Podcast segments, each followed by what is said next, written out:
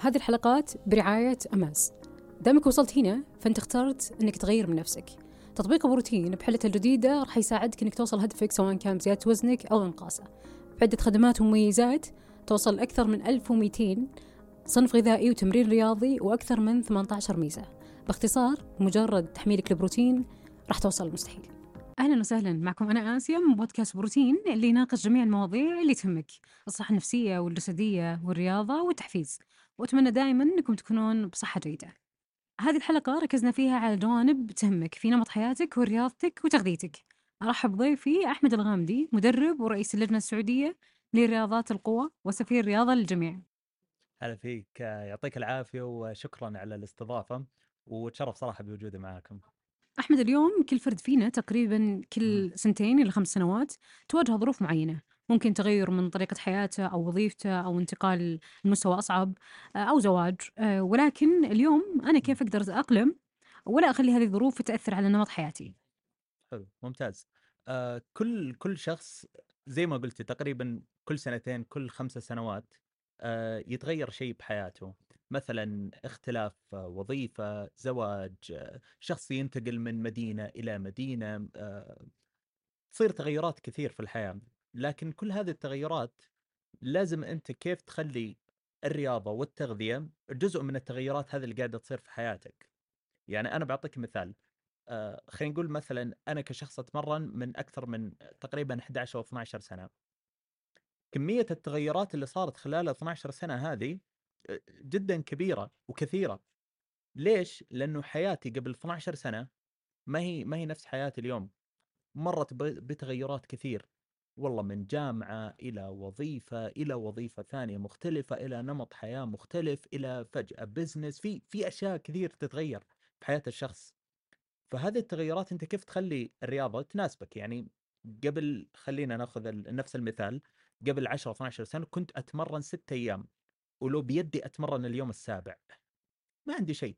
فاضي. حتى اليوم السابع ترى كنت أروح النادي.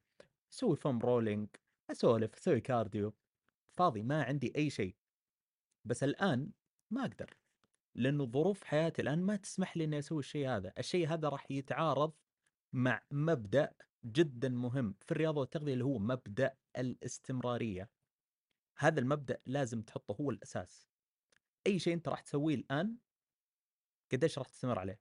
هل تقدر تستمر عليه لفترة طويلة؟ هل يقدر يكون جزء من حياتك؟ وبعطيك مثال مثلا أنا عندي المتدربين ما أقول له والله لازم تتمرن كذا أنا اسال أقول له كم يوم تبغى تتمرن؟ أنت أنت كم يوم نفسك تتمرن؟ في كل عدد الأيام. بعض الأشخاص يعني صارت أكثر من مرة يقول لي أبغى أتمرن ست أيام. وأشوف من الكلام معاه يقول لي أنا أواجه مشكلة يا أخي ضغط الوقت وظروف الحياة وكذا هذا اللي ما خلاني أستمر.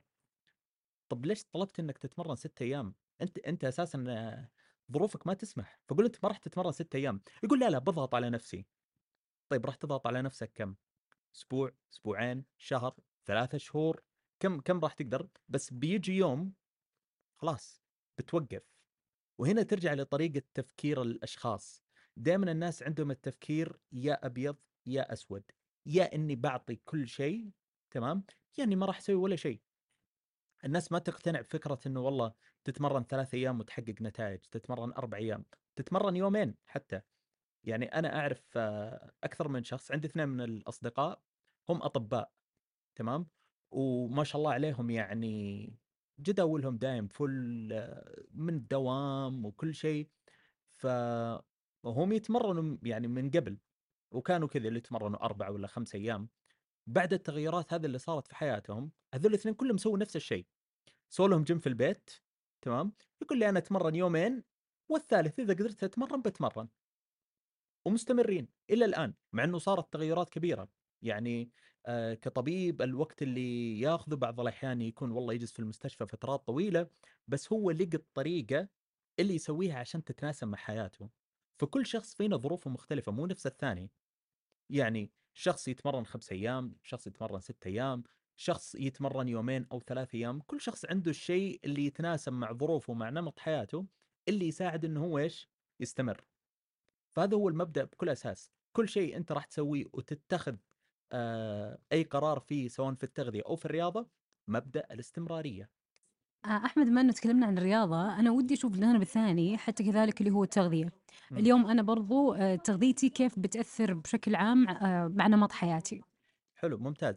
آه بالنسبة للتغذية نفس الفكرة يجيك شخص يقول لك والله أنا من اليوم راح أقطع الغازيات وأقطع السكريات وأقطع الخبز وأقطع وأقطع وأقطع وأقطع. أوكي إذا أنت فعلا تقدر تخلي كل أكلك يكون أكل مفيد ممتاز. بس هل تقدر تسوي الشيء هذا؟ هل بتقدر تستمر فيه؟ هل فعلا أنت لازم تسوي زي كذا من الأساس؟ الجواب لا. لأنه الشخص لو سوى الأشياء هذه إذا كانت يعني إذا كانت عادة بتصير عندك عادة تستمر عليها ممتاز ما في أي مشكلة. لكن هل أنت فعلا تقدر تسوي الشيء هذا؟ أغلبية الناس ما راح يقدروا يسووا الشيء هذا. فعشان كذا من الأساس أنت لا تسويه. كل اللي تسويه هو موازنة في عاداتك. خلي أغلبية أكلك مفيد. حاول تاكل أكل مفيد قدر المستطاع. وإن أكلت أي شيء بسيط كان غير مفيد فعادي ما في مشكلة لأنه في النهاية أنت ال- ال- الشيء اللي أنت راح يخليك إنسان صحي أو تبني جسم كويس هو أنت كيف موازنة حياتك؟ هل الأشياء اللي أنت تسويها صح أكثر من الأشياء الغلط؟ يعني لو شخص يتمرن ملتزم يحسب أكله أغلبية أكله مفيدة لكن بعض الأحيان يأكل شوكولات يأكل مرة في الأسبوع من مطعم أو شيء هل راح يتأثر تطوره؟ ما راح يتأثر لأنه العادات ال- الجيدة أو الصحية والصحيحة هي الأغلب. فما راح يتأثر وبنفس الوقت راح يضمن إنه هو يستمر ويوصل لنتيجة والشخص اللي يبغى يكون كل شيء مثالي وصحيح وصحي ودقيق حده شهر شهرين وبيوقف وبيرجع لعادات يمكن حتى أسوأ من اللي كان عليها من زمان بسبب ال ال الأشياء اللي هو سواها بنفسه. فبيرجع وممكن يصير أسمن من أول يدخل في اضطرابات في الأكل ومشاكل هو من الأساس في غنى عنها. أما الشخص الثاني هذا اللي قاعد يحاول يوازن ماشي أموره تتحسن صحته وجسمه وكل شيء ماشي معاه تمام. فأنت لازم تشوف إيش المرحلة أو إيش المكان المناسب اللي أنت تقدر من خلاله توصل إلى التوازن هذا عشان إيش؟ تستمر مبدأ الاستمرارية. عادة ما تقدر تستمر عليها لا تسويها من الأساس أحمد ما تكلمنا عن الأمور اللي ممكن تكون معوقات بالنسبة للبعض آه، في سؤال جدا مهم آه، أنا كشخص مم. بأبدأ قبلها بأعرف وش النسب المنطقية لكل من الدهون والعضل سواء السيدات أو الشباب فأنا هنا كيف مم. أعرف إنه هل أنا لازم أحافظ أو هل لازم أنزل نسبة الدهون أو العضل الفلانية أو أزيد يعني رغم إنها تفرق بين شخص مم. للثاني فأنا كيف أعرف؟ آه كل يعني أول شيء ما يعني مثلا ما في شيء اسمه والله نسبة دهون معينة أو نسبة عضلات معينة هي تكون المؤشر عشان تبدأ أو هي تكون الهدف النهائي تمام؟ لأنه أساسا موضوع آه لو نبغى نبدأ نتكلم أول شيء في موضوع اختيار ال- الهدف آه ونتكلم برضو في النقطة السابقة اللي هي موضوع الاستمرارية أغلب الناس ترى ليش ما تستمر؟ عشان الهدف. إنه والله شخص يبدأ من الأساس عشان آه، سفرة. أو وحدة تبدأ عشان مناسبة.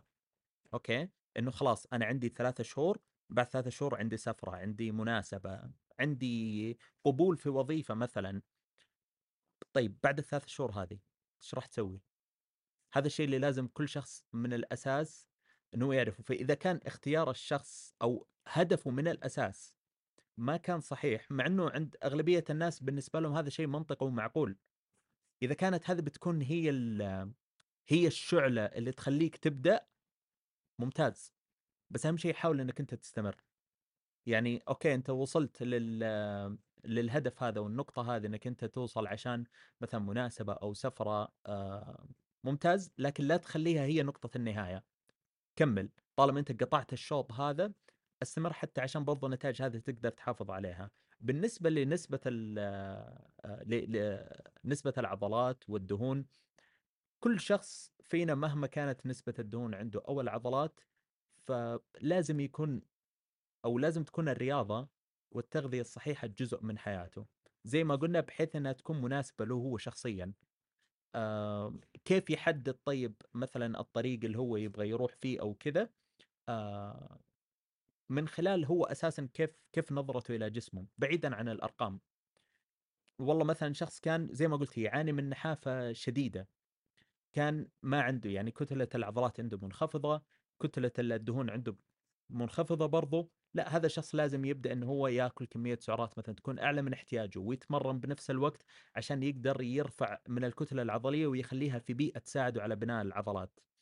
آه شخص والله كانت لا عنده نسبة الدهون مرتفعة بشكل جدا كبير، كان يعاني من سمنة لا هنا لازم يأكل أقل من احتياجه من السعرات عشان يقدر يقلل نسبة الدهون. طب شخص جاي في النص يقول لك يا أخي أنا احس إني نحيف بس من الداخل لا أنا في أشياء عندي غير مرضية والله مثلا أنا نحيف بس عندي عندي عندي عندي كرش ولا أنا والله عندي دهون في أي منطقة من الجسم لكن بشكل عام أنا نحيف طيب هل أنا والله اللي أمشي على الطريقة الأولى إني أنا أرفع سعراتي وأكل أكثر من احتياجي ولا بصير أكل أقل؟ لا ممكن إنك تسوي شيء في النص إنك تصير تاكل نفس السعرات اللي تحافظ على وزنك وتتمرن بنفس الوقت وهنا راح يصير حاجة اسمها آه، ما أبغى أقولها بالإنجليزي خلينا نقول بالعربي تغيير في كتلة الجسم. إنه هو وزنك عادي يكون نفسه ولكن كتلة جسمك هي اللي بتتغير. العضلات عندك ترتفع الدهون تنزل بنفس الوقت وتشوف شكل جسمك يتغير. يعني أفهم إنه لما الشخص يكون نحيف آه، بس إنه يعاني مثلا من زيادة في بعض المناطق فهنا لابد يأخذ سعرات محافظة. الشخص يكون آه نحيف أقصد فيها نحيف عضلات. نحيف عضلات وليس نحيف دهون. يعني هو خلينا نقول مثلا شخص غالبا يكون شكله بالملابس نحيف. بس يقول لك يا أخي أنا والله يوم يعني أفسخ ملابسي أشوف شكلي ما عندي عندي كرش عندي بطن جسمي مو هذه النوعية يسموها سكيني فات اللي هو يقول لك نحيف سمين. إي اللي أنا بشكل عام نحيف لكن عندي نسبة دهون مرتفعة وعضلاتي ضعيفة. هذول الأشخاص هم اللي لازم لا هو لا يرفع وزنه ولا يقلل وزنه. حاول إنك تحافظ على وزنك ولكن تركيبة جسمك هي اللي بتتغير. آه ممكن إنه يرفع النشاط الرياضي أكثر؟ عادي يسوي النشاط الرياضي اللي يساعده على بناء العضلات ويكون في حركة ونشاط في يومه. آه وإذا الشخص كان آه، سمين بس إنه يبغى يبني عضل، فهل هو أول شيء يبدأ بسعرات تنشيف ولا إيش ممكن يبدأ؟ إذا كان الشخص كانت عنده نسبة دهون مرتفعة وهو أساسا ما كان يتمرن يعني ويبغى يرفع من كتلة العضلات. طيب خلينا نتكلم هنا أساسا كيف كتلة العضلات تزيد؟ إيش اللي يخلي كتلة العضلات تزيد عند أي شخص؟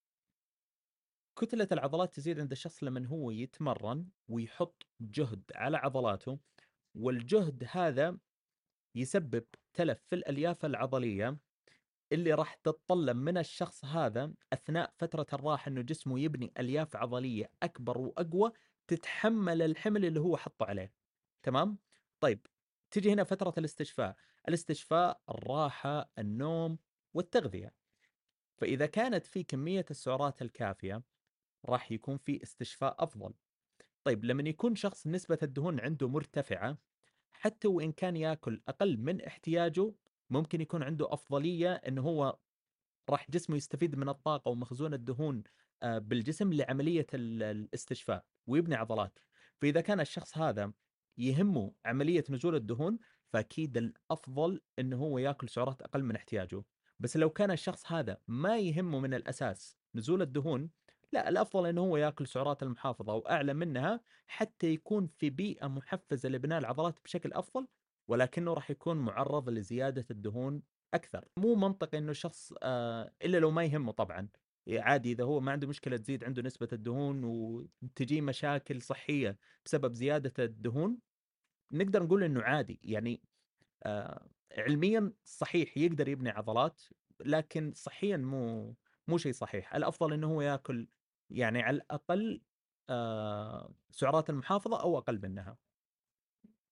طيب أحمد ودي ندخل أي. شوي بجانب الرياضة بشكل عام.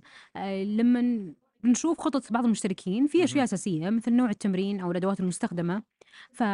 فانت كمدرب هل تحرص انه التمارين تكون بوث بمعنى جزء منها أوزان حرة أو جزء منها أجهزة أو جزء منها وزن جسم لأن حسب ما أعرف أنه الحرة مثلا يقال إن العزل فيها أكثر فهل يعني إني أنا لازم. أكثف منها أو الأجهزة ممكن تعطيني فعالية أكثر؟ أوكي وش النهج اللي تتبعه بخطط مشتركينك؟ تمام، أنا ممكن يكون كلامي شوية غريب لأغلب الناس ولكن المتعارف عند الناس انه المبتدئين يتمرنوا بالأجهزة والمتقدمين آه، يصيروا يتمرنوا بالأوزان الحرة. أنا بالنسبة لي أفضل العكس. ليش العكس؟ لأنه أغلبية المبتدئين أساسا ما عنده خلفية بحركة الجسم ما عنده خلفية بحركة العضلات. العضلة هذه كيف بحركها عشان أفعلها أفضل تفعيل؟ فلما تخلي الشخص يتمرن بأوزان حرة وتعلمه على التكنيك الصحيح بيصير يعرف يستهدف العضلة أفضل استهداف.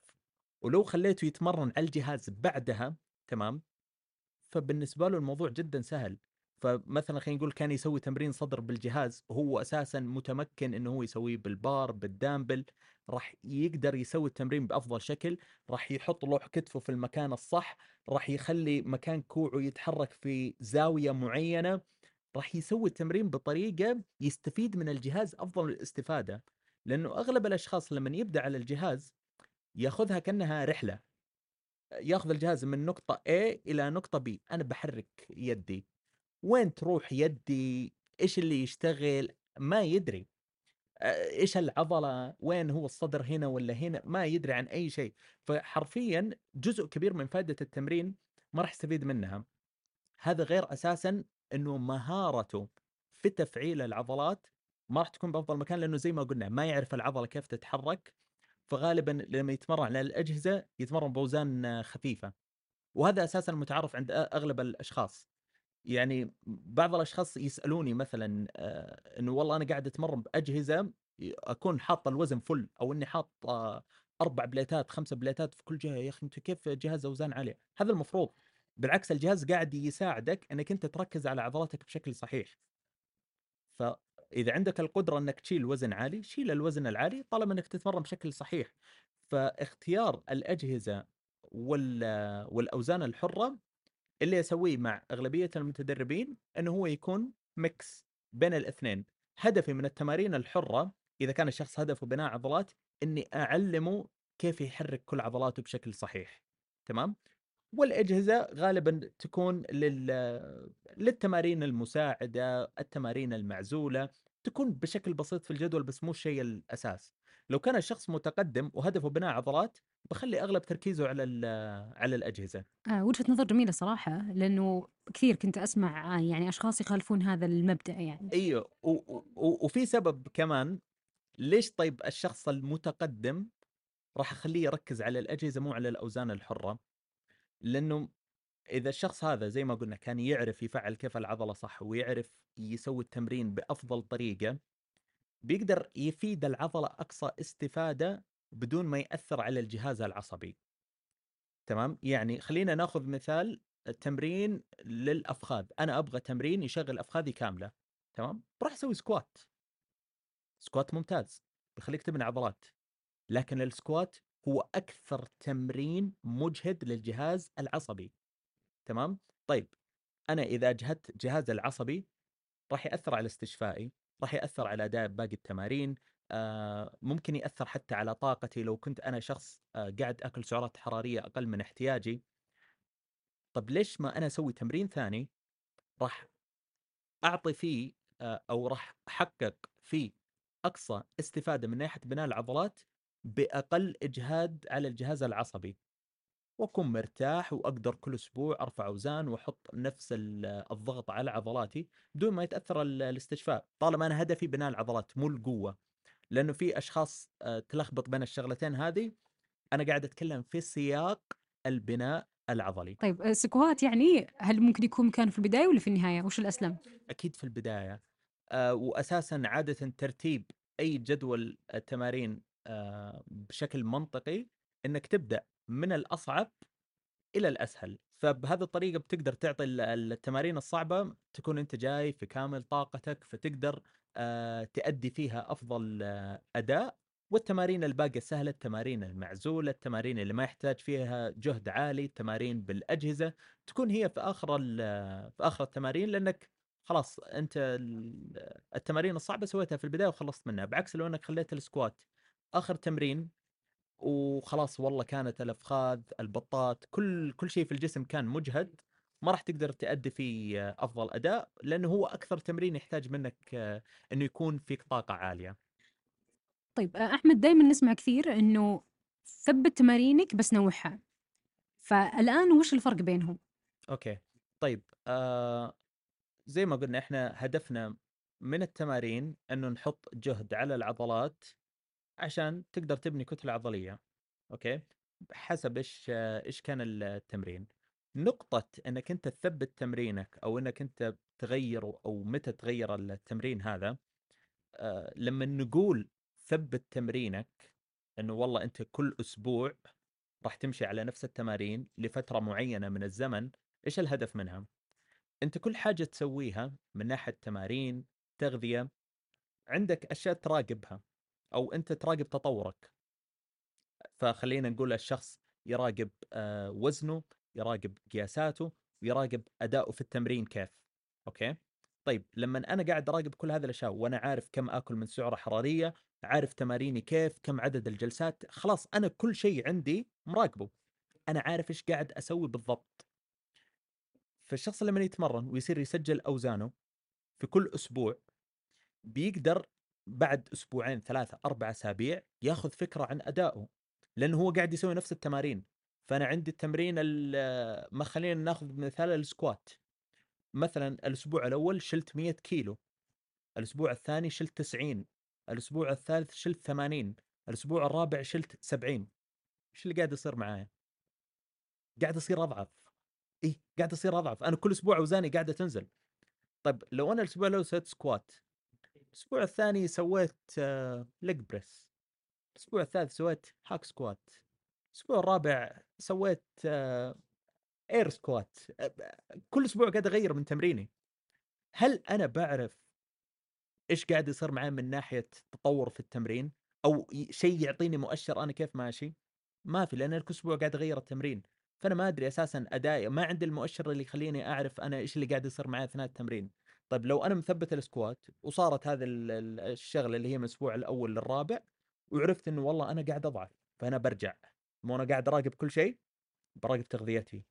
هل هي المشكلة ولا لا؟ براقب تمريني. هل هو المشكلة ولا لا؟ بشوف جلساتي وبشوف استشفائي كيف. هل هو المشكلة ولا في في سبب ثاني؟ بشوف نومي أنا كيف كان خلال الأربع أسابيع. هل كنت أنام بشكل كافي ولا ما أنام بشكل كافي؟ أه بشوف إذا أنا كان عندي stress عندي توتر فخلاص. اراقب كل العوامل أعرف أنا أنا عارف إيش صار معي بالضبط.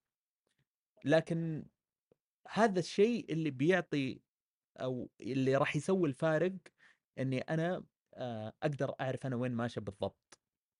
فإذا أنا كل أسبوع أغير تمريني ما راح أقدر أعرف أنا أنا ماشي صح ولا ماشي غلط من ناحية تمرين. ما أقصد من ناحية شكل جسم أو تطور لأنه ممكن إنك تصير تمشي تغير تمرينك كل أسبوع تتفاجأ بعد شهرين أو ثلاث إنه ما بنيت عضلات فهنا تسأل طب إيش اللي كان يصير؟ طب المشكلة هل هي من التمرين؟ أنت ما تدري أنت تمرينك كل أسبوع مغيره ما ما راح تعرف وين الغلط بعكس لما يكون عندك أشياء ثابتة تقدر تحكم من خلالها الأشياء المتغيرة بشكل مستمر راح تضيعك وتصير ماشي بشكل عشوائي ولا راح تعرف السبب اللي يخليك ما تتطور آه، أحمد ودي الحين ناخذ العضلات بس بشكل مفصل وبناخذها عضلة عضلة. آه، تحديدا بنبدأ بالعلوي. آه، الآن الظهر منقسم لثلاث عضلات. أوكي. آه، ودي تذكرها مع الفرق بينهم. يعني هل عدد تمارين بشكل عام لكل جزء لابد أنه يكون متساوي أو هي بتعتمد على تفضيلات الشخص أو لها أساس لابد نمشي عليه؟ وش الأفضل بينها؟ أوكي. آه لما نتكلم إنه آه تركز على إيش أو على إيش بالضبط هذا الشيء يختلف من شخص إلى شخص تمام؟ ولكن إحنا في عندنا حاجة أساسية واللي أتكلمت عنها برضو قبل كذا في موضوع الأوزان الحرة والأجهزة اللي هي الحركة. فأنت لازم تعرف إيش هي الحركات اللي تشتغل فيها عضلات الظهر. فأنت عندك خلينا نقول سحب عمودي وعندك سحب آه، أفقي هذه هي الحركات الرئيسية للتمارين المركبة في الظهر. طب إيش التمارين المركبة؟ التمارين المركبة هي اللي اشتغل فيها مفصلين أو أكثر.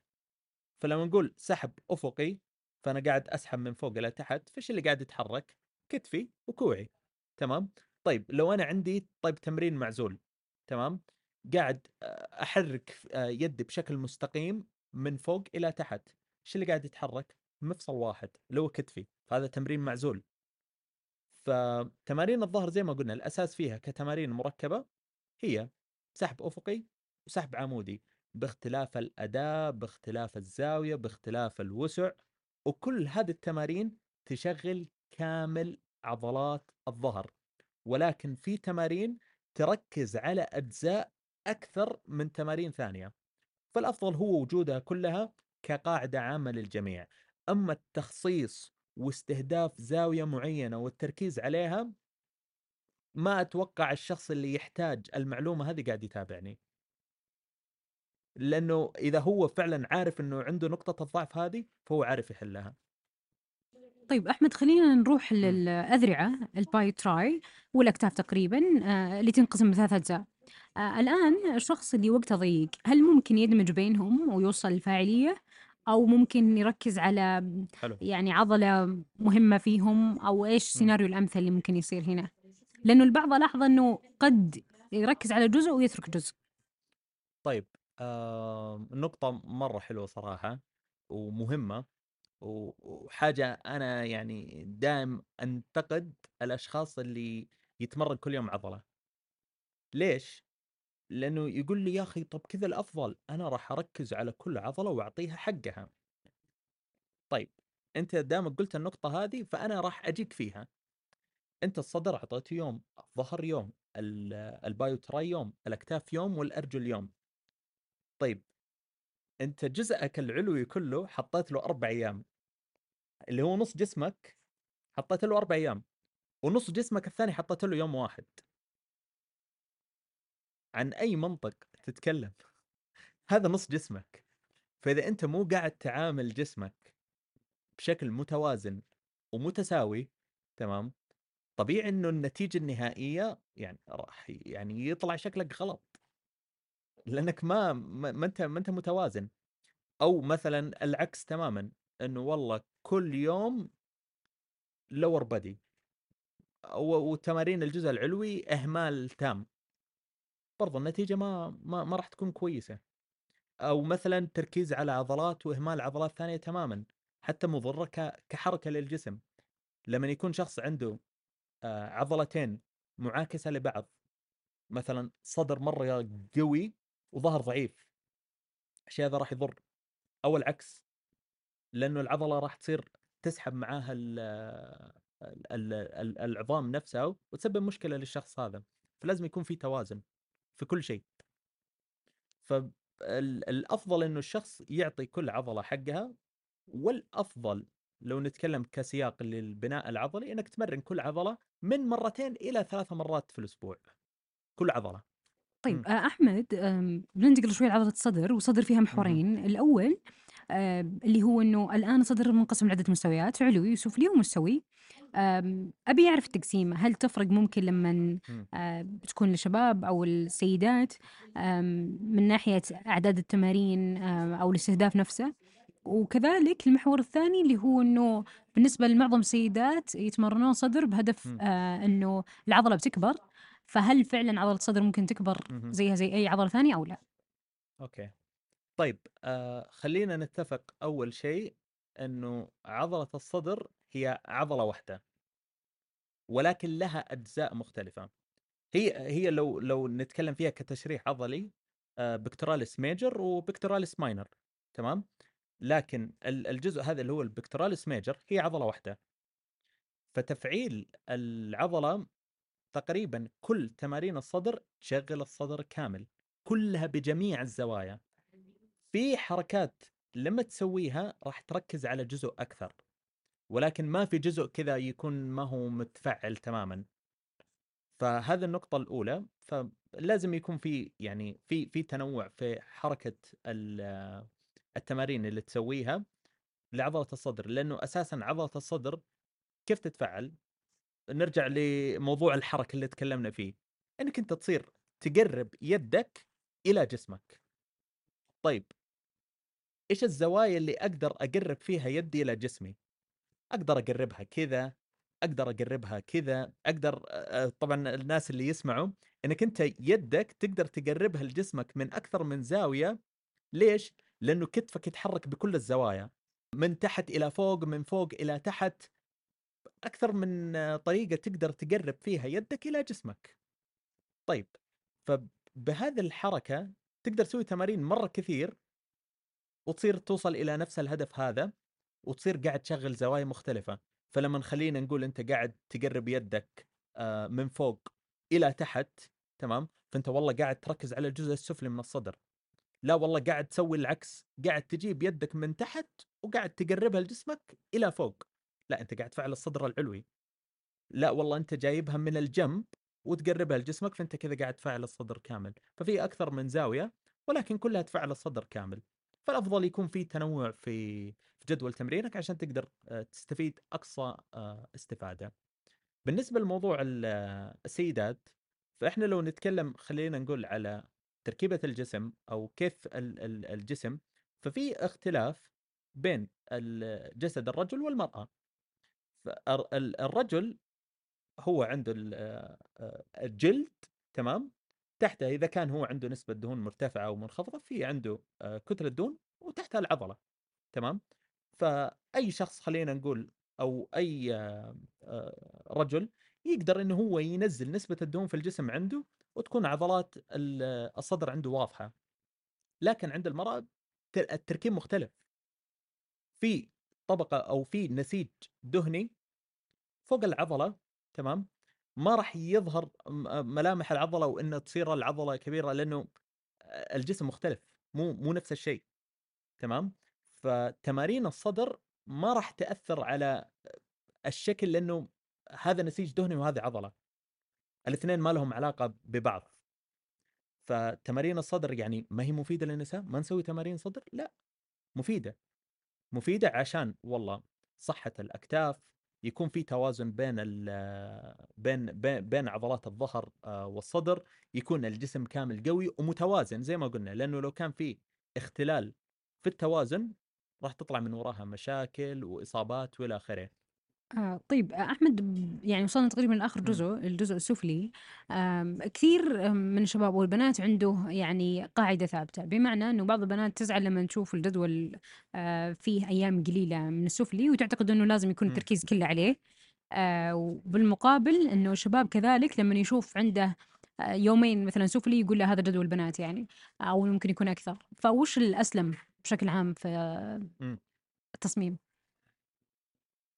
حلو. آه زي ما قلنا أول شيء في اختلافات بين كل الناس. مو كل الناس يعني نفس الشيء. آه لكن الشيء الطبيعي إنك أنت تعامل كل آه جزء من جسمك نفس الجزء الثاني. هذه إذا أنت خلينا نقول كان جسمك يعني متوازن. تمام؟ آه لكن في أشخاص لأ. يكون فعلا عندهم الجزء السفلي ضعيف لدرجة إنه هو يحتاج إنه يكثف التمارين فيه أكثر من الجزء العلوي. وممكن العكس. يعني أنا كان عندي متدرب كنت أخليه يتمرن أرجل كل أسبوعين مرة. لأنه ما شاء الله تبارك الله الجزء السفلي عنده متقدم بشكل جدا كبير على الجزء العلوي. يعني ما شاء الله تبارك الله من أفخاذ من بطات لكن الجزء العلوي عنده استجابته كانت جدا ضعيفة. فكان كل أسبوعين يتمرن الجزء السفلي مرة تمام؟ فهذه هذه هذه الاختلافات اللي نتكلم عنها. آه فمو كل الناس نفس الشيء لكن الأساس إنك تعامل جسمك بالتساوي. يعني مثلا واحد يتمرن أربع أيام يوم علوي يوم سفلي يوم علوي يوم سفلي. نفس قاعد تعامل كل جزء من جسمك نفس المعاملة. لكن شخص زي ما قلنا والله كان الجزء السفلي متقدم بكثير عن الجزء العلوي أو العكس.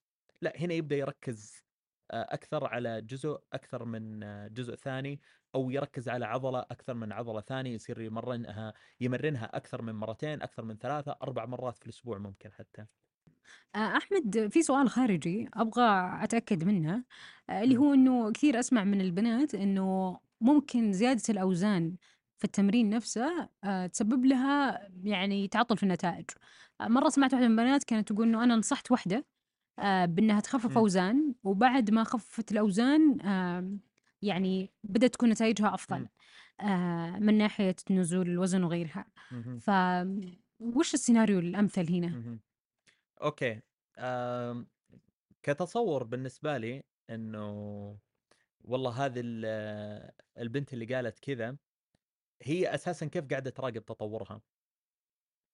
هي اللي تسويه بكل اختصار تروح تطلع الميزان تشو- تشوف كم الرقم خلاص تمام. طيب وهي كانت تتمرن. خففت أوزان أو قطعت تمرين. تطلع الميزان بعد كم يوم بتشوف وزنها نازل. بس نزلت إيش بالضبط؟ غالبا بتكون نزلت عضل. فهي تنبسط. أوه والله فجأة نزلت 2 كيلو. بس شكل الجسم نفس ما هو تمام؟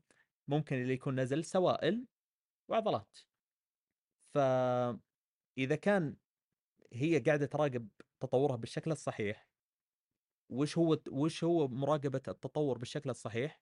عن طريق القياسات بالمتر بالإضافة للميزان ممكن والله تراقب شكلها من خلال الصور مثلا ومراقبة الأداء في التمرين ومراقبة جميع أمور الحياة زي ما قلنا النوم الراحة آه، برضو ال- التغذية ومستويات التوتر في اليوم. الشخص كذا يكون ملم بكل شيء بس إنه هو يحكم على الميزان بس راح يضيع راح يضيع حرفيا. أو حتى مثلا الأشخاص اللي يعتمدوا 100% على أجهزة قياس نسبة الدهون. برضو ما أنصح ما أنصح إنك تعتمد عليها الحاله تبغى تسوي الفحص حق الجهاز هذا سويه. بس سوي معاه كل العوامل اللي تكلمنا عنها. فموضوع تخفيف الأوزان هو موضوع تخفيف العضلات. بكل بساطة تخفيف أوزان تخفيف عضلات الوزن نزل هي تنبسط لكن شكل الجسم ما تغير ولا شيء. آه، أحمد ودي بآخر محور لنا. آه، ودي أسمع منك أنه اليوم أبي ملخص لمسيرتك طوال. السنوات كلها ونصائحك آه، للناس بجانب التغذية والرياضة حلو. آه... لازم نعرف إنه كلنا مختلفين. في حياتنا في تطورنا آه... في كل حاجة إحنا نسويها كل شخص مختلف عن الثاني حتى لو اثنين كانوا إخوان فهم مختلفين.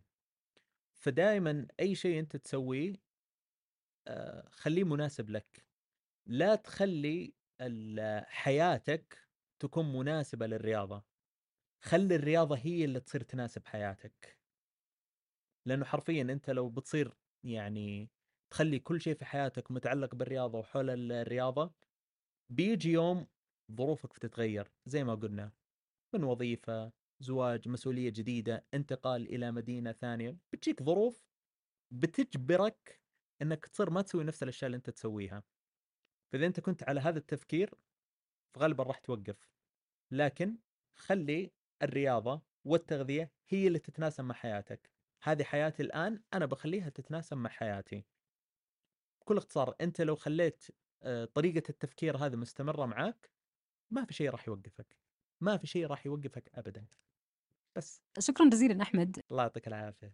شكرا لك. أنا استمتعت كثير صراحة بالحلقة ومتأكدة كذلك المستمعين. الله يسلمك. وإن شاء الله بإذن الله أنه لنا لقاءات إن آه، شاء الله ثانية بإذن الله مختلفة. نطمح نطمح إن شاء الله. شكرا جزيلا. الله يعطيكم العافية. شكرا لكم.